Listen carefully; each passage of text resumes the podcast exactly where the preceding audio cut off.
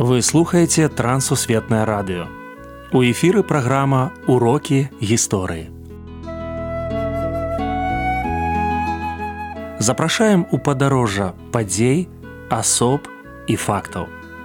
Вучыцеся разам з намі.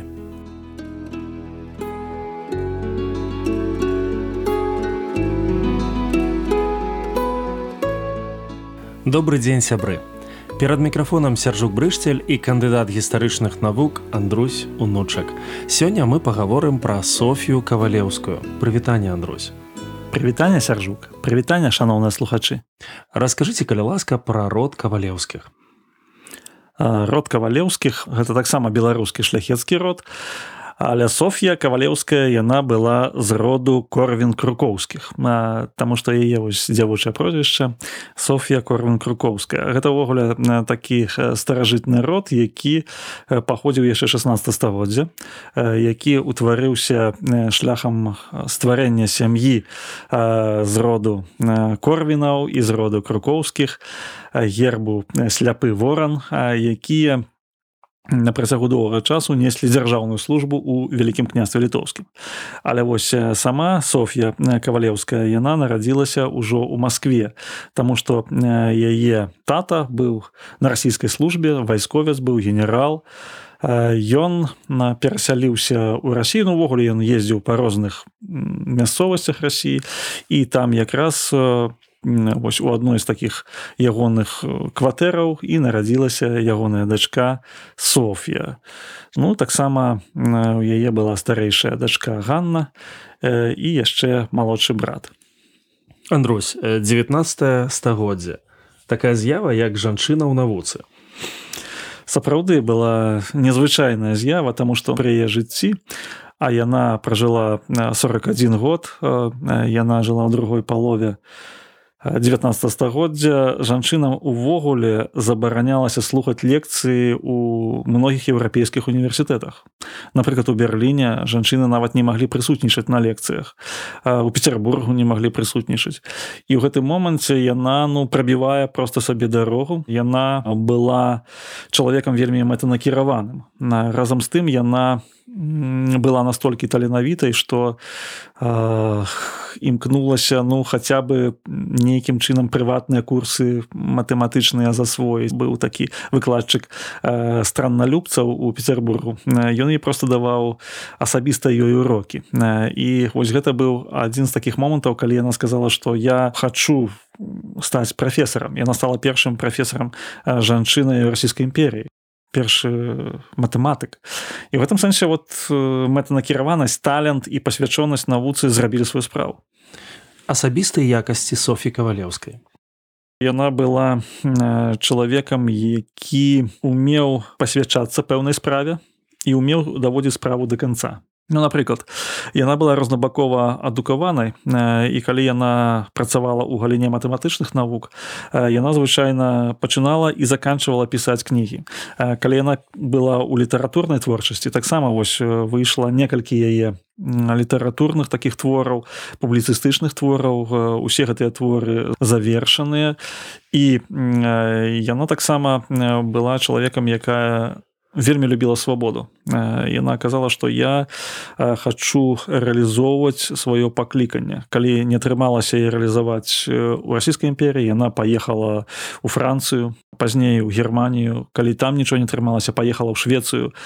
Вывучыла шведскую мову выкладала на шведскай мове матэматыку. Яна была чалавекам які ну сапраўды рабіў цуды вынаходлівасці больш інфармацыі пра сям'ю і прафесію каб выехаць на навучанне яна павінна была атрымаць замежны пашпарт. Расійскай імперіі замежны пашпарт жанчына магла атрымаць толькі са згоды бацькоў альбо са згоды мужа. Павінна быць нейка вось мужчынскі подпіс. Яе бацька на адрес адмовіўся даваць подписывать дыпламатыч такія вось пашпарты замежныя для яе. І тады яна вырашае ну что вось ну трэба выйсці замуж. Потому что ну яе ўжо там была пэўная прапанова яна не хотела замуж ні ў якім разе выходзіць і тут ну сталася такая невыкрутка. Все яна з владимиром кавалеўскім таксама беларускае паходжанне вучоны геолог яна вянчаецца з ім ён ёй дае дазвол яны разам выязджаюць і вось яна там за мяжой фактычна ну рэалізуе сябе як матэматыка. Ось такі момант такі вельмі важны быў у яе жыцці. Галоўныя навуковыя дасягнення навуковае дасягненне вось гэта тэарэма знакамітая кашы кавалеўскай тэорыя дыферэнцыйных раўнанняў за якую яна атрымала прэмію парыжскай акадэміі навук і прэмію шведскай акадэміі навук. І яшчэ шэраг тэорыяў вось па механіцы яна рабіла па вярчэнню цвёрдага цела вакол аднаго пункта. Фактычна яна зрабіла тры важныя матэматычныя адкрыцці і ўвайшла ў гісторыю гісторыю матэматыкі. Цікавыя факты з біяграфіі можна прывесці іх некалькі ну у тым ліку такі факт што яна была чалавекам які удзельнічаў і ў палітычным жыцці. Так напрыклад у 1871 годзе яна ўдзельнічала ў вызваленні мужа сваёй старэйшай сястры з турмай. Гэта быў французскі камунар была французская камуна якая змагалася з версальскім урадам. І вось аднаго такога парыжская камунара пасадзілі ў турму і вось гэтыя дзве жанчыны яны там неяк падкуплялі ахову э, і вызвалілі вось гэтага мужа жаклар які быў меў такое прозвішча э, з вязніцы і ўратавалі фактычна яму жыццё вельмі цікавы момант пра яе смерць. То бок яна памерла ў раннім узросце але яна памерла таму што яна ратавалася ад оспы. Яна вярталася з даніі ў швецыю і яна давелася што вось у тыя мясцовасці дзе яна павінна прыязджаць там была эпідэмія вось воспы якая смяротная хваробы. Яна не захацела туды паехаць а паехала вакольным шляхам.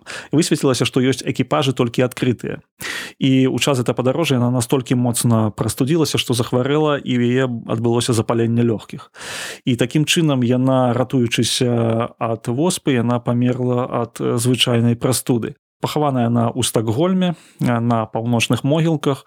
І гэта была такая трагедыя і страта для сусветнай навукі.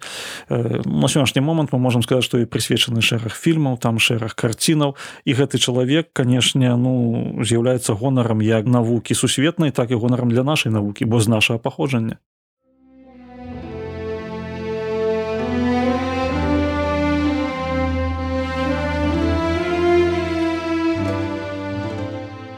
Софія кавалеўская доктар філасофіі і матэматычных навук, а яшчэ магістр прыгожага пісьменства.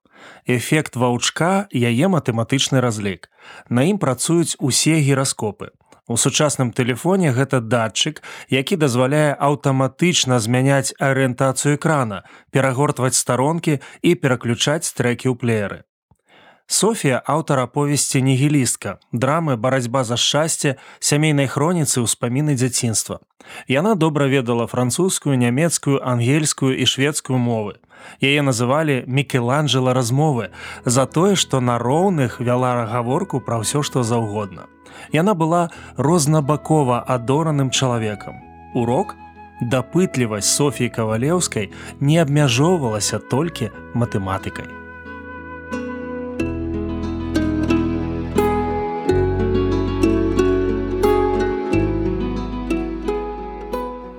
Дзякую, што далучыліся да нашага праекту. Калі ў вас ёсць пытанні, пішыце каля ласка на адрас. Трансусветнае радыё, урокі гісторыі. Паштовая скрынка 45, індекс 22 40 20, горад Брест 20, Беларусь.